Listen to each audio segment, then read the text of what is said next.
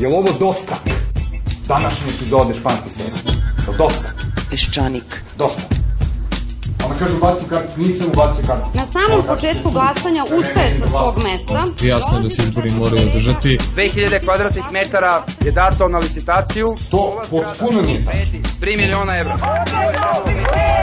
Oko 200.000 evra poreza. Hoćemo! Samo kralja momci. Pa nikad nisam uh, ni čuo za to gospodina. Mornjaci abato, nema drugo. Da bi čorba bila gušća, on ja idem da popijem pivo. Optužbe da dokaže na sudu. Iščanik. Ne može crkva kvariti naše državne odnose. Da li je vama jasno da sam ja jakao popao? Srpske emocije! Da li si znao da možeš civilno služiti svoj vojni rok? Ne znam. To je cirkus. Najavljene smene u Monarici... Ne razumem. Šta piše na ekranu? Kaj gotovo?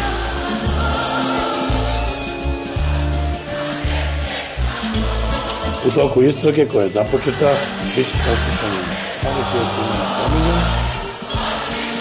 Pa ćemo vidjeti šta je prava istina. Peščanik.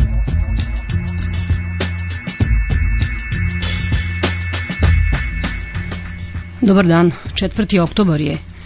Pre tri godine na ovaj dan neki ljudi su se spremali na polazak za Beograd, punili rezervoare, pakovali razne stvari za poneti, proučavali i saobraćajnu mapu, tražili sporedne puteve do Beograda, telefonirali rođacima koji imaju neke veze sa policijom da saznaju dokle su spremni da idu. A mi smo ovde u Beogradu sedili i čekali ih. A svi zajedno smo se nadrli da Đinđić zna šta radi. Onda je svano 5. oktobar. Stojan Cerović kaže da nam niko nije kriv što smo se nadali da ćemo, kada posle toliko godina otvorimo prozor, ugledati Švajcarsku. Ja sam se lično nadala Americi, odnosno da ću se osjećati kao prvi evropski doseljenici koji su verovali da su na Cape Codu kročili u novi svet u kome bi ponovo mogli da se rode.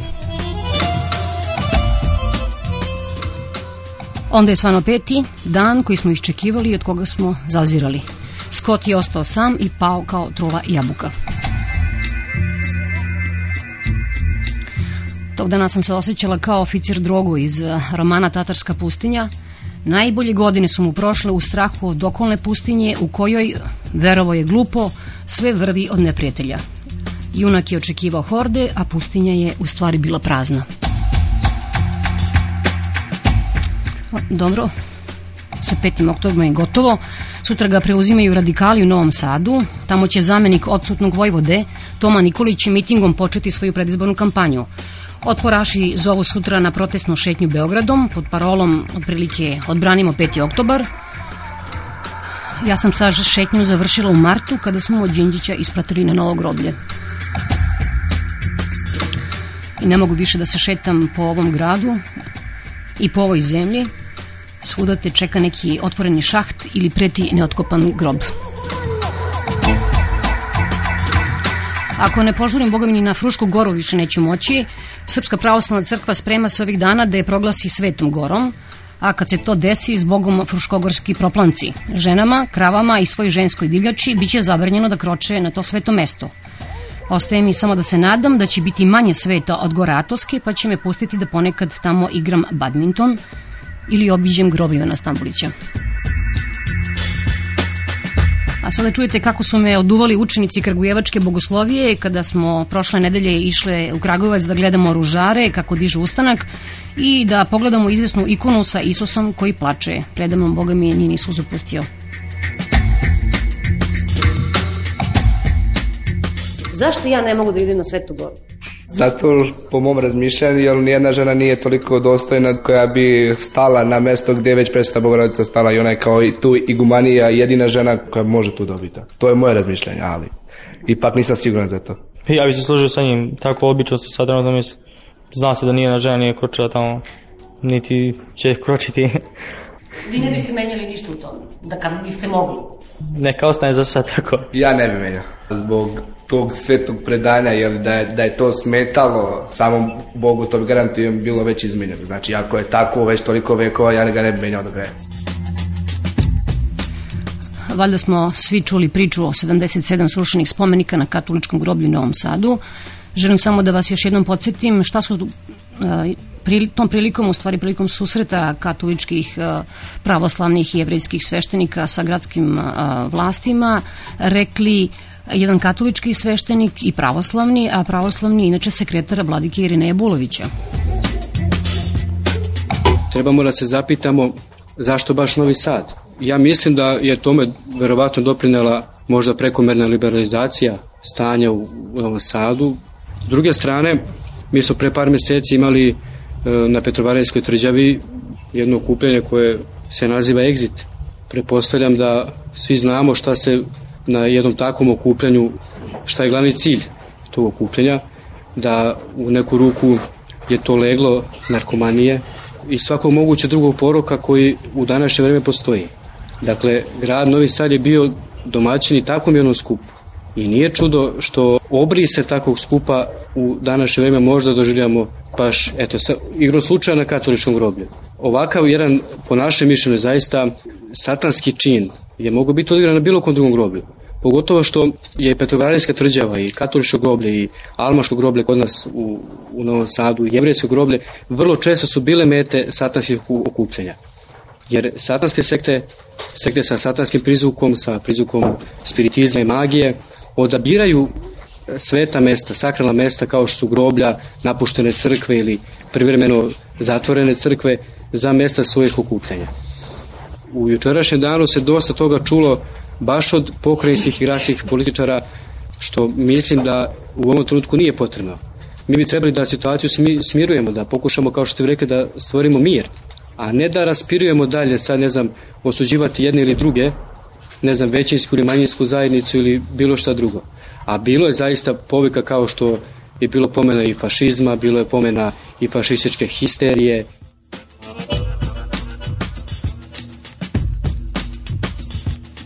Ja se bojim da treba postaviti stražu, ništa više.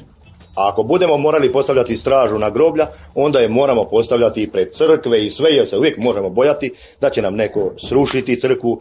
Ne znam, ne bi mnogo, ja sam malo razmišljao o tomu ko bi to mogao biti, kako bi to mogao. Neki kažu da su to i, i krstovi bili okrenuti naopako, da je to neka sekta. Malo vjerujem u to. Čuli ste sekretara Irine Bulovića, ništa novo u stvari niste čuli, to je stara priča o satanistima i relativno nova priča o egzitu, to dakle ništa nije novo, kao što ništa nije novo, iako je suviše glupo to što DSS napada a, prošle nedelje koncert rezidenca ovde na Kolarcu, problem je što je i B92, a problem je što je egzit a, uopšte ima potrebu da se brane od takvih napada.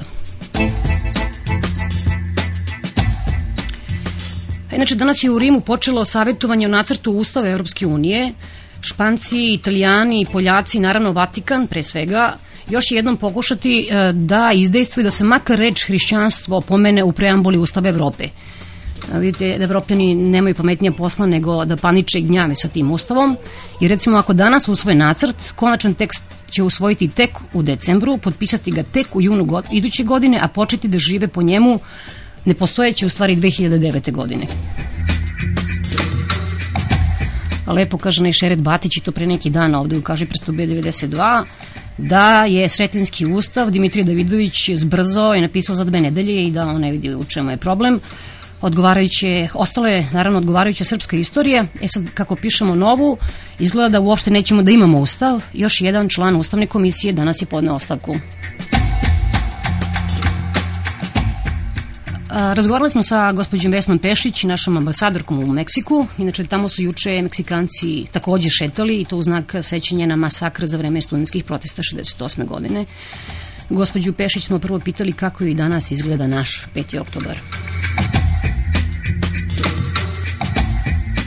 Za mene lično je 5. oktobar ostao veliki dan i taj dan ja neću zaboraviti i za mene je to potpuno novo da postoji nekakva ironija u odnosu na 5. oktobar, jer to je bio dan kada smo mi zaista taj režim protiv koga smo se borili tolike godine i koji je baš i kad je nestao pokazao svu dubinu naše tragedije koju čak i nismo ni znali pre 5. oktobra i ko je koga ubio i na šta je ličila naša država Tek smo onda videli u kakve smo se mi ritama i, i strahotama praktično našli kad je taj režim otišao.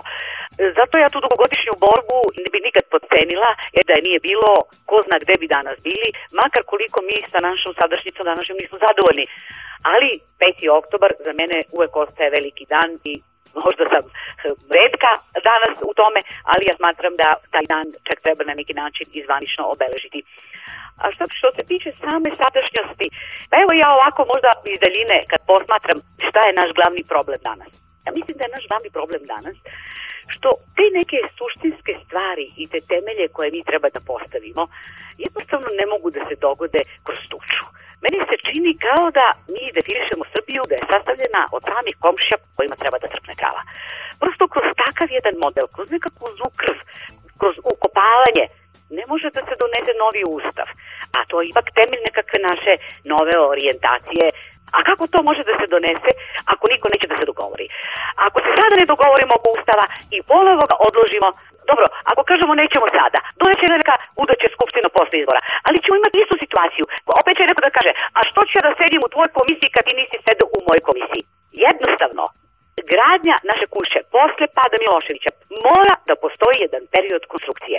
To ne znači da borbe u samoj skupštini oko konkretnih zakona, oko konkretnih odluka, tu se radi o većini, manjini i tu se naravno onda stranke mogu zastupati sva konkretna stanovišta. Ali ta konkretna stanovište izgledaju blesavo ako nismo postavili temelj kuće. Padamo na jednom istorijskom ispitu, ali meni se čini da prosto svi padamo na tom ispitu. Ne bi nikog izdvojila i kazala evo ovaj je nešto različit. Ja bih samo navela primer još jedan Evo recimo pitanje izbora predsednika. Zaplet oko izbora predsednika je veoma jednostavan. Vlast mora da ukine cenzus, a stranke treba da učestvuju sa svojim kandidatima. Zašto se ta priča toliko mistifikuje? Kako tu postoji neka konspiracija? Kako to ne znam da li nam treba predsednik? Kako je to šamar narodu da biramo predsednika? Zašto se ne postavi pitanje krajnje precizno? Neće ljudi da učestvuju na izborima, da je treba po drugi ili treći put da se udare na taj problem da ne izađe dovoljan broj birača. To se može jednostavno rešiti da se dogovorimo da ukinemo taj cenzus, ali da sve stranke učestvuju na tim izborima i da se završi ta priča kako tu postoji neka posebna još dodatna priča, jer do juče su Natašu Mićić svi kritikovali kako ne raspisuje izbore, kako ona uzurpira taj položaj. Cela priča, ja je znam iznutra, se sastoji u tome što ta žena više nije mogla da izdrži na tom položaju i ona je pri potpisa sve određene te izbore, ali ja ću da raspišete izbore. Ja mogu da zamislim da negativni scenario. Raspisani su izbori za predsjednika, predsjednik nije izabran, što je iznutra donosi gubitku energije, porastu neke vrste haosa, porast osjećanja da smo se izgubili, a spolje izgledamo bukvalno komično. Umesto da idemo na pozitivni scenarij, izabiramo predsjednika, donosimo ustav, dogovaramo se oko izbornog zakona idemo na izbor. Ovaj pozitivni scenario je prosto na domak u naše ruke. Samo treba da kažemo, ajde da ne budemo toliko uzajemno pakosni da vam kažem, te snage, bilo na vlasti, bilo opoziciji, potpuno sve jednako izgledaju. I sad zbog njih prosto mi sedimo i čekamo da padne plafon, a taj plafon neće pasti. Ne znam šta je ta računica. Prosto ja imam utisak da taj koji se prvi otvori, koji prvi shvati šta je potrebno da bi se jedna kuća napravila, da bi se ta srpska država konstituisala, taj će biti naš heroj. Znači, ne taj koji su kopala. I neko je kaže, e, sad sam napravili u kombinaciju kako će koštunice da trže kra, ako tako budu nastavili, ne možemo, mi smo se ukopali. Pa demokratija se sastoji u tome da rešava sukobe, da pacifikuje društvo, da stalno pronalazi kompromise. Nije demokratija tuča ko će kome da iskopa grob. Ako mi ne shvatimo to, da ne postoji više ništa unapred dat, postoji ni Bog, ni nacija, ni ništa. Postojimo mi sami na ovom svetu, te treba da pokažemo da smo sposobni i zreli da se oko nekih suštinskih stvari dogovorimo. Da nema ko da nam to objasni, nema Božije volje. Ako to ne shvatimo, da se to moderno društvo i ta moderna država upravo i odvija kroz neprekidno stvaranje kompromisa, onda mi ne možemo da uradimo ništa.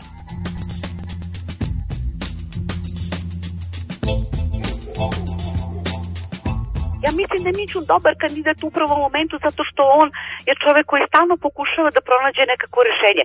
Nama zaista treba nekakav pomiritelj, ali tu ulogu mora da vrši i vlast a na neki način da na to respondira i opozicija. Znači, ne treba da gledam kako ću po svaku cenu da održim vlast ili oni opet drugi da razbijaju po svaku cenu tu vlast i da se traži ponovo neki 5. oktobar.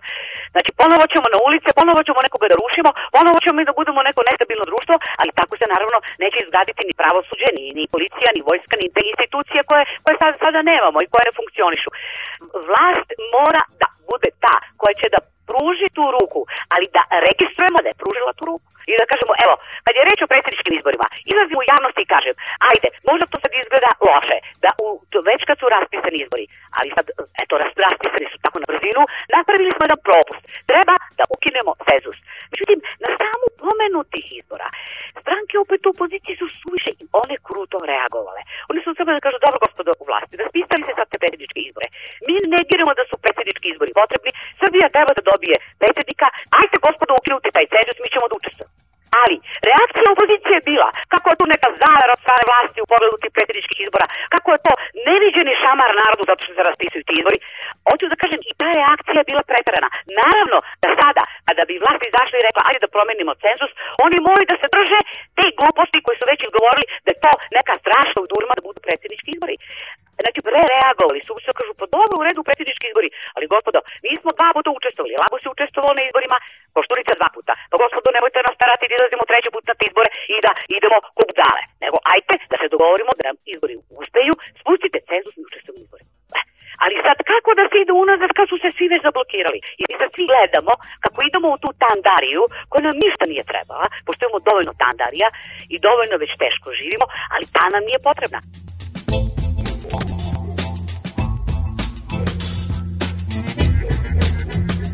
Molim vas, tek se napravi ta ustavna komisija.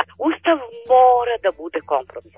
Znači mora, u toj komisiji moraju svi da učestvuju. Ako neko kaže neće, neka prijavi u čemu je problem. Neka denuncija, pa ćemo da setnemo i da kažemo, molim vas, ne može, mora komisija da radi konsensusom i mora da radi dogovorom. Prvo, nema dovoljno propaganda oko donošenja ustava. Mi svi treba da živimo u jednoj povišenoj temperaturi kada se donosi u državi ustav. Mi moramo da osjećamo da svi donosimo taj ustav. Zato je prosto se dešava u nekoj tašini, da se opet neka lupaju u neke celanice ljudi tamo da nekakvi stolom, umesto da se napravi jedna atmosfera, da je veliki događaj, da će posle hiljadu godina da Srbija dobije pravi demokratski ustav. Zato je veliki događaj. Ali, eto, tome se ne pridaje nikakav značaj, to se pretvora u nekakvu tuču i naravno, šta je sada? U stvari, Srbija nikad neće doneti ustav, jer mi nismo u stanju da te ustav donesemo. Neka se precizno prijavi vlast ako u toj komisiji drži nekakvu banku i ne dozvoljava da se napravi kompromis. Ali isto tako, ako ćemo da radimo čisto politički, da kažemo, e pa, ova vlast neće doneti ustav, ali ni tvoja, ti ćeš pobediti na sledećim izborima, ali nećeš biti u stanju da doneseš ni ti ustav, zato što će ovi sada ti kažu, e pa, mi nećemo da sedimo u tvojoj komisiji. Ja mislim da Živković, Koštunica, 17, neka sednu i neka se dogovore oko tih pitanja. Mi, kao javnost, moramo da počnemo da vršimo pritisak njih. Gospodo, molim vas, uopšte više nećemo da vas slušamo ako vi ne sednete i ne dogovorite se oko ovih osnovnih stvari od kojih zavisi naša budućnost. kako mi priče pričamo o Evropi kada mi ne možemo da se dogovorimo da donesemo ustav? Ne vredi odlagati ustav. Razumete, za neko bolje vreme. To su ti isti ljudi mi nećemo napraviti uvoz iz Engleske, pa će doći neki Englezi koji će da donesu taj ustav. Znači, to su ti isti akteri. Ako neće sad, a što će da je posle toga hoće? Ne, znači oni moraju da pokažu sada i ovde da su sposobni da donesu ustav. Moraju da pokažu da su sposobni da Srbiji izabere predsednik. Ja ne znam kako se vama čini, ali evo ja ovako vidim stvari. Ne vredi više da pokušavamo da pokažemo kako je neko pokvaren, kako je neko nula, u redu, ajde složimo se, nije reći o tome da ne valja demokratska stranka G17, nismo ni mi niko baš dobri, ni pojedinačno, ni kolektivno. Ajde da se oko toga složimo. A ako je tako, ajde da zasučemo rukave na nekoliko stvari. Moramo da se govorimo. Meni je žao, da vam kažem, evo kad gledam kao ambasador sa strane, meni je žao da zbog nekih gluposti mi izgledamo lošije nego što jesmo to pitanje predsjednika će veoma da nam naškodi. Zamislite kakvi će komentari da budu da mi sada, posle godinu dana, opet ne možemo da izaberemo predsedniku Srbije. Oko pa čega ćemo se mi uopšte više dogovoriti? Kako je to moguće? Gledajući iz inostranstva ovako, ja sad uvek tužim, žao mi je, nerviram se, zato što vidim da može bolje, ali eto, prosto nismo usporili stvar, ali svi su tu stvar usporili. Ne mogu više da navedem nikoga ko specijalno kvari. Svi prosto kvarimo.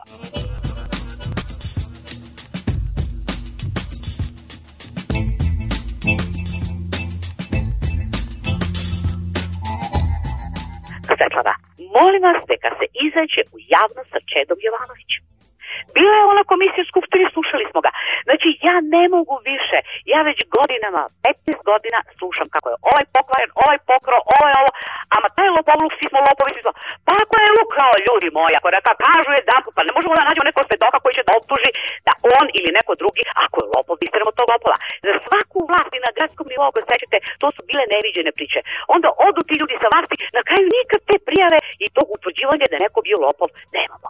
Prema tome, treba da se prihvati da ne možemo ucenom, da kažemo ja tebe ucenjujem, ako sedi taj, taj, ja neću da učestvujem to je toliko lično, pa valjda i mi postojimo. Pa kakve rede ima taj klinac koji se zove Čeda Jovanović? Znači sad ćemo mi zbog toga što tamo postoji Čeda Jovanović da svi sedimo i da čekamo. I šta čekamo?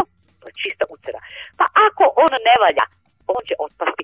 Postoji samo ovaj trenutak, postoji valjda i ta neka budućnost, neki korak. To se polako, da vam kažem, naša politička scena i političke partije, sve se to polako e, nekakvim hodom, time što radimo, to se pročišćava. Ne možemo se mi uzemno prozivati. Hoću da kažem, taj metod prosto ne valja. Ako ga sad čini labus, ali verovatno da onda možda ga čini posle sutra da neko drugi sa ove druge strane. Ali to kao jedan resantimanski, kao jedan osvetoljubivi, kao jedan način nekakve zle krvi. Prosto mi sami sebi stojimo na putu.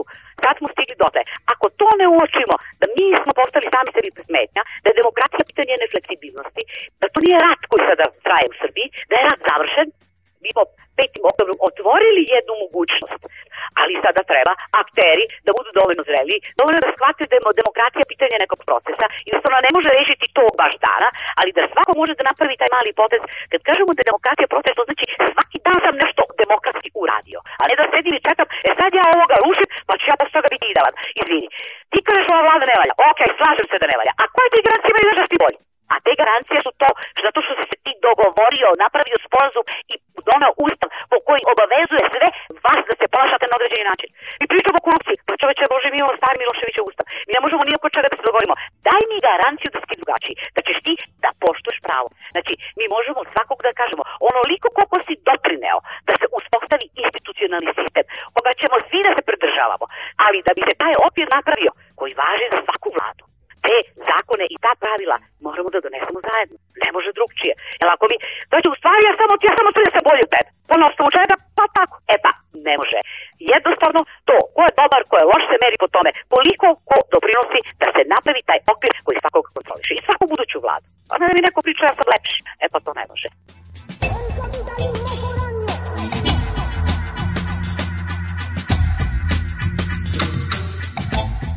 da vam kažem, što je to nekakva sramota da prihvatimo, jesi i Zora nam nedostaje. Ja sam već se bila povukla na neki način i ja mogu ovako, eto, kao neko ko je krajnje dobronameran da prokomentariš situaciju, ali Zoran je bio akter i ono zaista nedostaje, ali dobro, sad moramo da živimo, to se dogodilo, ta tragedija ove godine, od nje je tek šest meseci proteklo, ali sad smo se blokirali, ajde da se odblokiramo, ajde da kažemo da se odblokiramo. Znači, treba da se dogovorimo oko predsednika, sada to nam je neposredno, znači, da, da se dogovorimo da donesemo ustav što pre, E, treba da se dogovorimo oko izbornog zakona i treba da se dogovorimo oko raspisivanja sledećih izbora. Kad je da se dogovorimo da to lepo i mirno obavimo, uspešno i da pokažemo tim partnerima u Evropi da smo mi ozbiljan svet koji može ta tri, četiri problema da rešava. Ova pitanja koja leže na nama, koja nam niko ne diktira, znači da ovo izvedemo ovih tri, četiri poteza, to prosto treba da se dogovorimo i da ih uradimo. Peščanik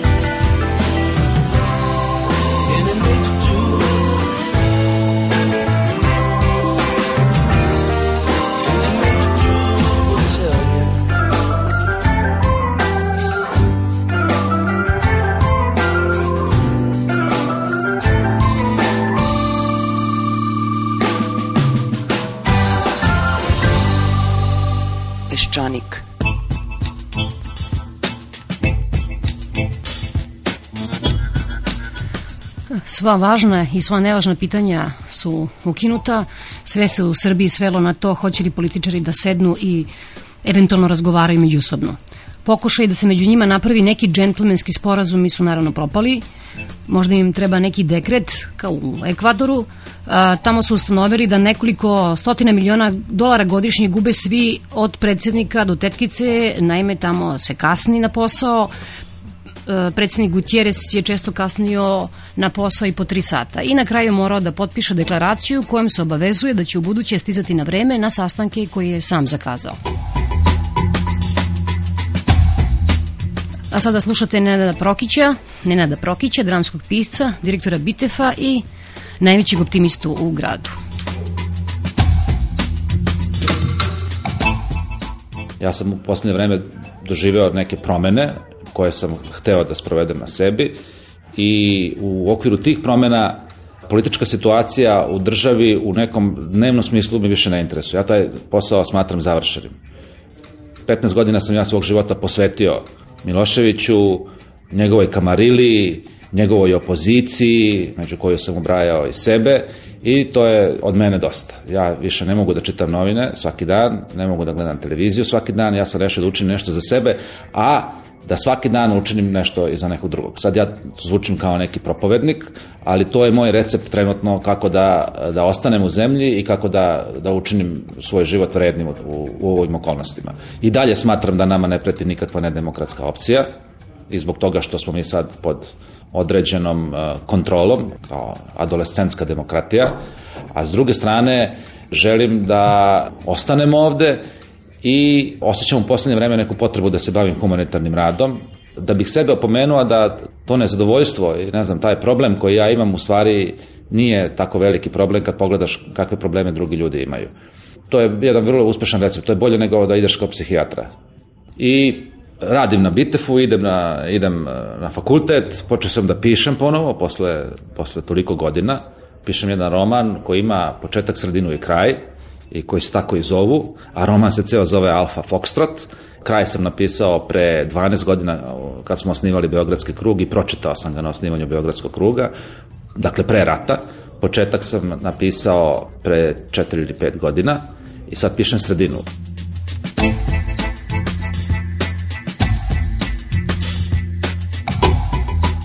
5. oktobar u svakom slučaju je veliki datum, iako je moj, e, bio organizovan, naravno da je bio organizovan, mislim, šta bi, hvala Bogu da je bio organizovan.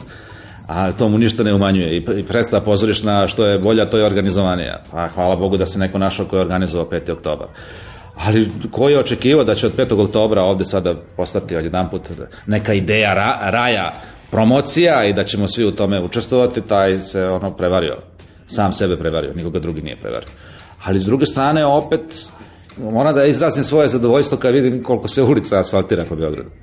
Kakav 5. oktobar, kakva skupština? Ako ja vidim da se asfaltira ulica, ako ja, ja sam Od 72. godine čistio zelenu površinu ispred svoje zgrade, ja sam sad juče dočekao da neko dođe, posade zelenu ogradu i postavi tepih trave. Dakle, ne ono da sadi pa da poraste, nema dovoljno sunca tu pa ne može da poraste nikada, nego on donese travu koja je porasla, tepih trave. To je za mene postao, ja, meni je čudno i kad upalimo ovde sada prekidač pa ima struje. Tako sam se navikao u ovoj zemlji, meni je sve čudo. Ja to kad vidim, ja, ja ne mogu da ne budem zadovoljan. Ja ne mogu da kad vidim da se prave garaže, kad vidim... Danas sam prosto osetio seksualno zadovoljstvo kad me kaznio, kad sam prešao, hiljadu dinara me kaznio što sam prešao preko ulice na van pešačkog prelaza. Ja znam da su oni izašli danas da bi navukli pare da plate ovim medicinarima ili, ili profesorima univerziteta. Ne, nama će tek 1. januara, ovo 15 Znam da nemaju pare, ali dobro, pa super. Ako već treba da se otmu pare, nek se otmu tako što će da se uvede neki red. Ja sam tu nešto žurio, pretrčao sam ovaj, ulicu i policijska kola su me stigla. sa upaljenim svetlima i zaustavio me čovek i rekao, znate šta, i onda je Pa jako me je kaznio, baš mislim. Ja nisam imao pare, on je teo da piše sad kaznu, ja sam rekao, ne, ne, ne, ne čekaj, da idem u banku da ja donesem pare, ne mogu da idem posle krcuma tamo, Penezića, pa jedan plaćam to, mislim, ko će gubi vreme, sačekaj me, on je ljubazno sačekao čovek. I ja dolazim, a neki penzioner, zatečen penzionera na sred ulice, a ovaj ga gleda i pozove ga nazad i sad pusti ga da čeka dok mene ispisuje kaznu i onda valjda, pošto je penzioner, onda mu kaže, ajde sad idite kroz prolaz, a lepo uradio, nije, nije sačekao da ja odem pa da sakri od mene da će njemu da oprosti, ne, video je da čoveku 1000 dinara sigurno predstavlja nešto i u životu i nije hteo da ga kazni, nego je ga pomenuo, a mene je kaznio. Me. Meni, ocenio je da mene treba odrapiti i dobro je ocenio.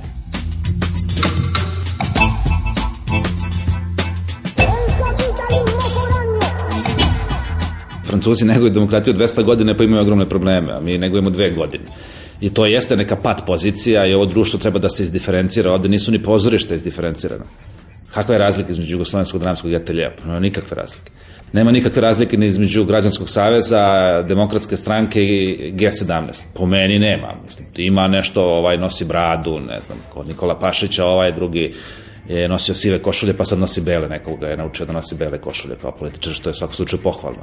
To je sad pokušaj neke diferencijacije između nečega što je isto jer je pobedila jedna opcija i onda su Srbi po svom starom dobrom običaju svi postali ta opcija I ovi, što smo do pre neki dan bili svi jedna opcija, ta opcija više ne postoji i sad više niko nije za tu opciju, sad smo svi za neku drugu, ali ta opcija mora da se diferencira. Ali sad smo srećom barem na to je diferencijacija koja će zaista jednog dana kad bude obavljena, a ne znam kad će biti, koja će biti evropski model i mi ćemo donekle živeti kao, kao neka srećnija sredina. S druge strane, mene zaista onako crne misli obuhvataju kada se setim da Hrvatska je tri i po puta bogatija zemlja od Srbije, ima velike resurse, ima jedan viši civilizacijski stupanj života, ima bolje fabrike, imaju manje ljudi, imaju manje nezaposlenih, imaju ogromne kredite i ogromne dugove.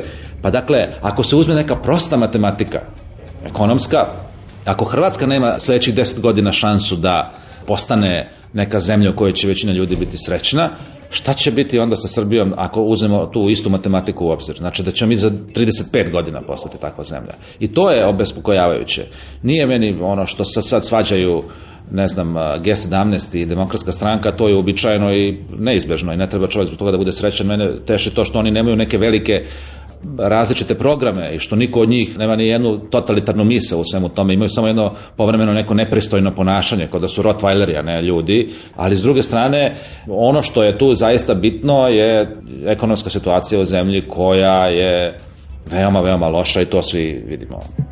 Sad se ove godine su prodali te neke fabrike, šta će sledeće godine da prodaju?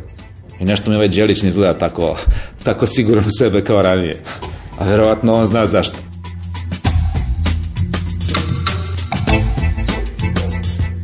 tog kalibra nema, to je potpuno jasno. On je, on je bio ko neka čigra, onako pa je jurcao i sve to nekako postigao da, da, da pokrije u tom kratkom periodu, ali on je bio bolji mnogo od, od našeg proseka i jednostavno ko živi u raskoraku sa, sa vremenom onda onda mora da plati cenu. Nije morao da plati toliko visoku cenu, ali njegova ideja, njegova ta nervoza i brzina koju sam ja jako voleo i koju sam prepoznavao i kao svoju i zato je meni toliko i žao verovatno zbog toga što, što sam mnogo e, sličnosti u temperamentu sam sa njim osjećao i voleo sam ga jednostavno. Seo sam ružicu pre neki dan na Bitefu i nije protekao ni jedan dan da nisam mislio na njega. To je nešto što je što mi je privatno veoma teško i bit će mi uvek teško, ali to je znači jedno uspravanje. Ima onaj Kundera ima ono, onaj roman usporavanja, eto to je otprilike nešto što što se nama događa posle njegove pogibije i, ali to je neka srpska brzina njegovom brzinom nije moglo to da ide mi smo ono Čira, sporedni kolosek pa polako, Taljigaj nešto što je ovde 700 godina trajalo ne može da se promeni nikakvom brzinom, nema tog space shuttle koji će nas da, da izvuče iz e, mitova beda, istrecizma i svih tih stvari, mi ćemo iskoristiti svaku mogućnu priliku. Ko što iskoristimo svaku priliku da zaratimo sa Hrvatima, tako isto ćemo iskoristiti svaku moguću priliku da napravimo to usporenje i da, i da ne mislimo o svojoj budućnosti, o svojoj sreći, o svojoj deci. I to je nešto što je u ovom društvu potpuno redovna pojava i s tim ko ne računa, bolje da ne živi ovde.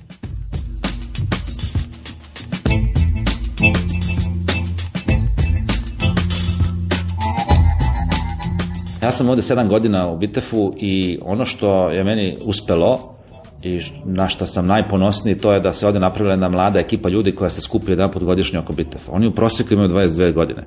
To je tehnička i organizacijona ekipa niko srećniji od mene kada mi tehnika Jozefa Nađa iz Orleana, koja je jedna od najkomplikovanih ekipa na svetu, kad oni dođu i kažu da takvu tehničku ekipu nisu videli nigde na svetu. To su sve deca koje nisu napustila zemlju ni za jedan dan, vrlo često, nigde, koja govore savršeno, barem engleski, a mnogi od njih i dva, tri jezika, koji se svetski ponašaju, koji nisu mutavi ni u kom smislu, koji su sposobni, koji su. To je ekipa koja radi fantastično. Ja nemam nikakve probleme Samo treba imati jedan pozitivan odabir, pozitivan pristup. Desimir Tošić kaže nema, nema ljudskog materijala. Pa dobro, to u principu jeste, jeste pojava to što kod nas e, nema e, tehnike i nema sistema koji, koji dovodi pozitivne i koji dovodi obrazovane i koji dovodi kulturne i vaspitane, nego naprotiv, uvek neka prečica preko reke pa u šumu.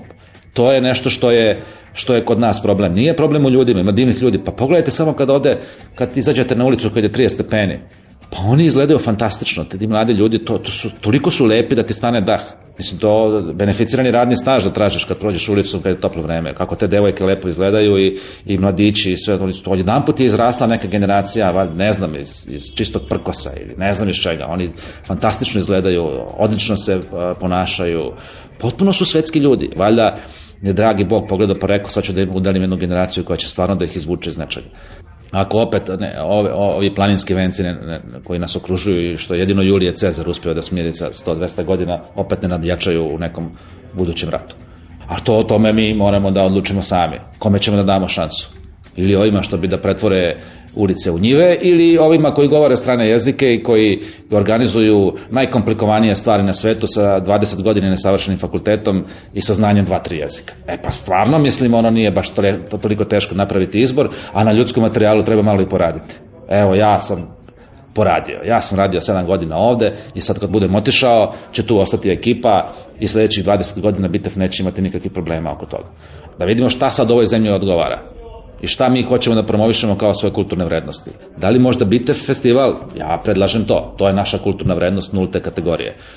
Ako nećete biti, onda uzmite nešto drugo, dragačarce ili bilo šta, pa onda promovišite to. Ja se zalažem za ovo, ja mislim da je ovo uzor za to kako se, kako se živi sa svetom i kako se u tom svetu postaje nešto.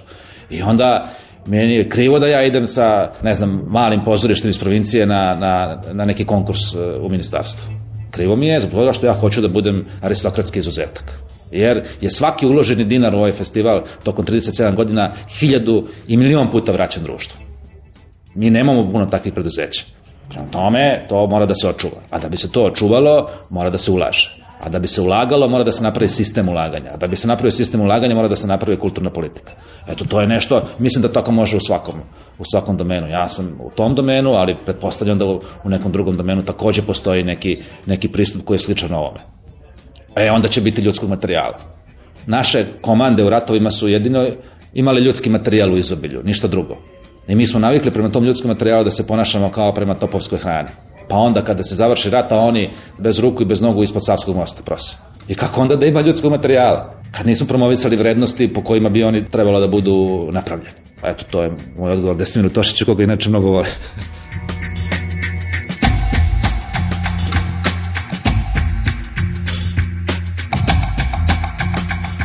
koga zmija ujede, taj se guštara boji, ali radikali više nisu čak ni guštari, ja mislim da tako da nema neke potrebe da, da se nešto rane ujutru ali s druge strane, ko može za Mićuna da ne glasa? šta ja znam, on je, on je zaslužio eto lično da ja odem ujutru pa da glasam za njega. Ili popodne bar. I, pa da, ja završimo i to.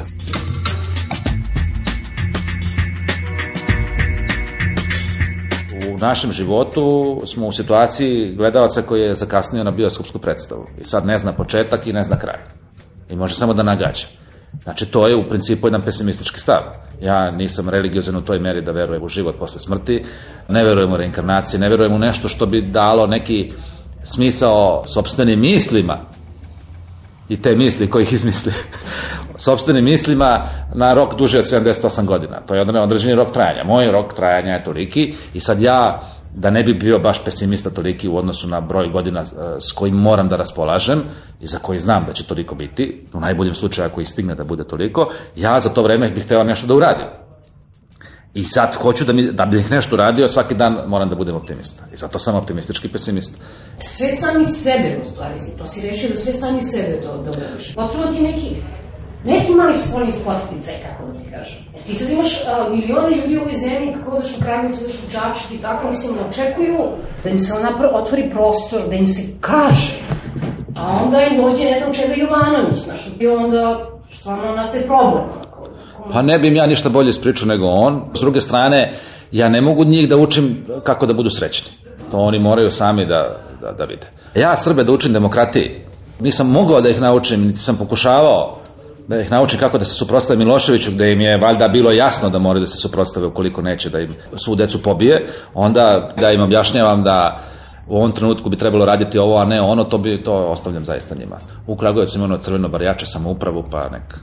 Ja sam rođen u, u Kragujevcu i ne podnosim Kragujevac, niste trebali da mi ga pominjete. Ja sam se iz Beograda vratio, dakle iz jedne jedine kosmopolitske srpske sredine sam se vratio, jer mi otac bio sekretar partijskog komiteta u Kragujevcu, vratio se tamo svoj zavičaj na par godina i poveo je mene i majku i ja ne mogu, ne mogu da vam opišem koliko je to ja, bilo jedno surovo iskustvo. Ja sam non stop visio na autobuskoj stanici, gledao kako odlaze autobusi za Beograd. I onda bi otac je naložio svom šoferu, službenom, da prolazi, kad god ide u grad negde da vozi ove e, komuniste iz vrha njihove pozlačene hjerarhije, onda je prolazio pored odoborske stanice da vidi da sam ja tamo da me da me vrati kući. Ali kad ode malo sada u srpsku provinciju, sad opet primećujem optimista se ponovo budi u meni, Valjda je bilo dosta ljudi koji su radili na stranstvu, pa sad kad odeš tamo vidiš neke, neke muškatle na prozorima, pa sve tako fino, neka sela u Šumadi koja je samo po sebi divna, pa ta sela kako se uređuju, pa sve to je, jednog dana to nije daleko dan kad će to veoma pristojno da izgleda.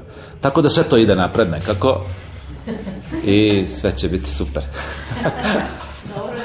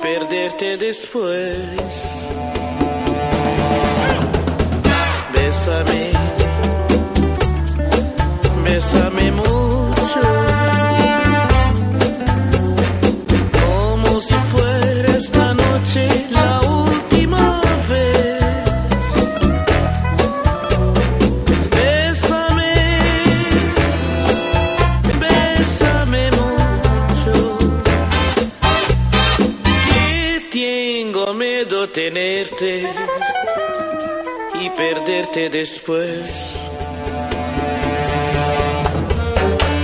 Quiero tenerte muy cerca, mirarme en tus ojos, verte junto a mí. Piensa que tal vez mañana ya estaré muy lejos, muy lejos de ti. Bésame, bésame.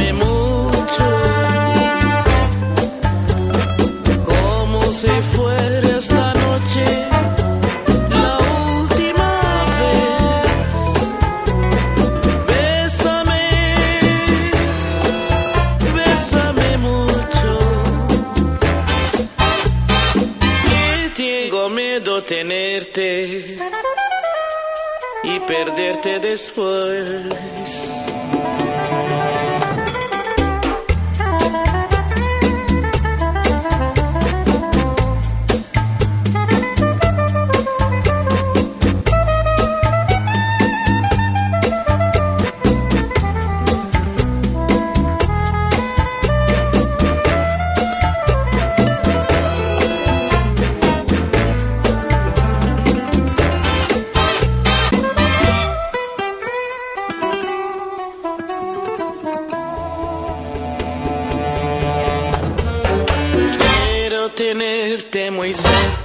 mirarme en tus ojos, verte junto a mí. Piensa que tal vez mañana ya estaré muy lejos, muy lejos de ti. Bésame, bésame mucho.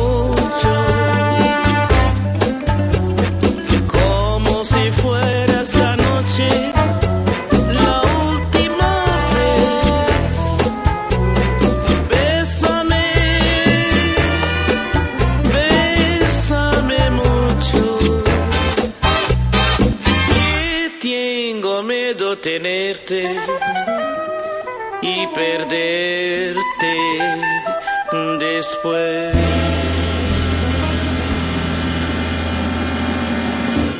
Peščanik.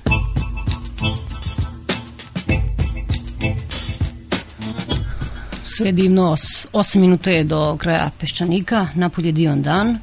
Terazije su pune ljudi, uglavnom telohranitelja Čeda Jovanovića, koji danas potpisuje podršku Dragoljubu Mićinoviću, međutim ništa ne vredi, izbori neće uspeti sve dok znamo ko ne izađe na njih.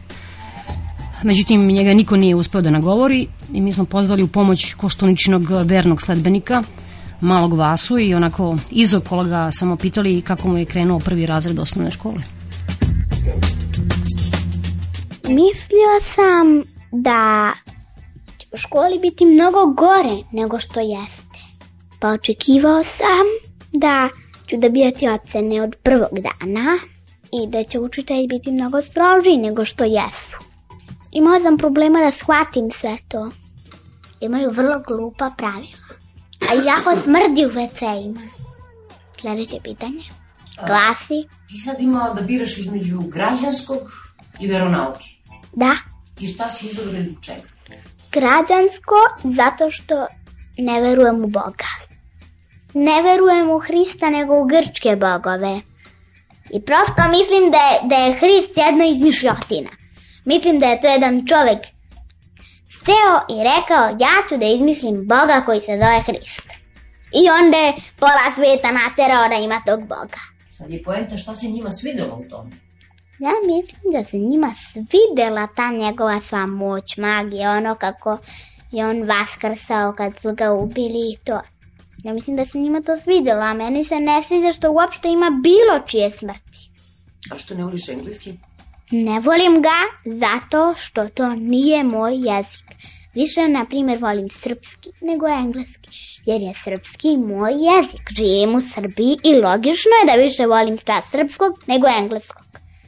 A kako to da niko ne zna srpski? Osim Srba. Ti nikako pa da shvatiš izgleda da ne znaju srpski zato što je Srbija jedna mala zemlja, nevažna zemlja koju mnogi ljudi u svetu ne znaju da postoji uopšte, prvo. Drugo, i kad su čuli, čuli su nešto najgore o njoj i neće da znaju za njoj. A šta su oni to najgore čuli o njoj? Sad ja malo vama postavljam pitanja. Da smo prilično veliki divljaci. To nije tačno da smo krivi za rat. Što nije tačno. Da smo bombardovali Dubrovnik. Takođe nije tačno. Sloba nije vodio četiri rata. Pa vodio ih je, ali za da to nisu krivi Srbi nego Sloba. Za da to nisu krivi svi Srbi nego samo jedan Srbin. Tako da ne možete vi da okrivite Srbe za to. Hajde da se vratimo na staru temu. O politici. Pa ti znaš da, da li imamo predsednika ili nemamo? Da, da nemamo. Da imamo onu ženu što tamo sedi i nešto piše. Koju ženu? Pa ne znam koju, ali neku ženu što samo sedi, piše, kuca i šalje poruke. Sad će se na predsedničkim izborima kandidovati Mićunović, onaj stari jedan čika, koja? Ali koštunica neće. Koja? Jedan šešelj je pomoći. Za tog, da, da imam pravo glasa, za tog ne bi glasao. Šešelj je kriminalac, to je svima poznato. Pa onda moraju biti njegovi pomoćnici. A znaš gde je Šešelj? U Hagu. Komu pravi društvo tamo? Sloba. Njegov bivši gospodar. Znači, čuo za Mićunovića u Deku? Nisam za njega. Čula sam da postoji Međunović, ali sam mislila da je to mlad čovek sličan koštunici. Nego ja u školi imam jednog dečaka koji ima džinovsku, ogromnu glavu koja izgleda isto kao koštunica. On je u stvari jedan mali koštunica sa džinovskom glavom. Ne, a šta je bilo peto u u stvari? Demonstracije protiv slobe i tada je on pao. Sakrao se i pao, kliznuo se na korva dva nane i lepo tras dos. Znaš li kako to važan datum za nas? Pa znam da je najvažniji datum za sada. Samo što je meni ipak važnija nova godina i moj rođendan. Šta misliš koga najviše napadamo u emisiji? Koga? Čik pogodi. Gradonica. Zašto ga napadate kad je on najbolji kandidat za predsednika? A nije kandidat, nije nije kažem, da se kandiduje. Nije. Ma kažem, on bi bio najbolji kandidat. Ali neće jer je lenština. Nikomu ne brani da se kandiduje. On ne želi. Ne, ne želi. Popričat ću s njim par stvari kad ga jednom budem sreo. Na primer, ako ne prihvati da se kandiduje, desit će se tako da ja pre izbora Napravim jednog robota koji će ovako da ga uhvati, razvali kroz zgrade gde, se, gde stoje kandidati i baci ga unutra. I da ključa vrata i prozore da on ne može da izađe i mora kandidat. Zazida dimnjak i... I izaberamo ga za predsednika i šta onda? I najbolji čovek svih vremena će biti predsednik. Jesi čuo za reč demokratija? Čuo sam Demokratija je po mom mišljenju jedna glupa stvar. Ja mislim da, da uopšte nije potrebno da bilo ko bude predsednik. Kao i što mislim da nije potrebno da bilo šta bude novac. Nego? da svi treba da žive normalno kao ja. Imaju svoj posao, žive lepo, mirno, ne vladaju ničim i prosto žive maksimalno normalno. Ako je u ovom mikrofonu negde mali veran, zamolio bi ga da, da otkazla ima. Ovo ne dema.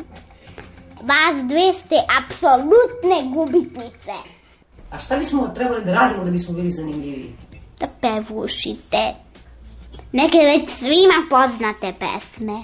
Da na televiziji igrate neke već, neke već svima poznate plesove da čuvate nosa svima poznatim maramicama.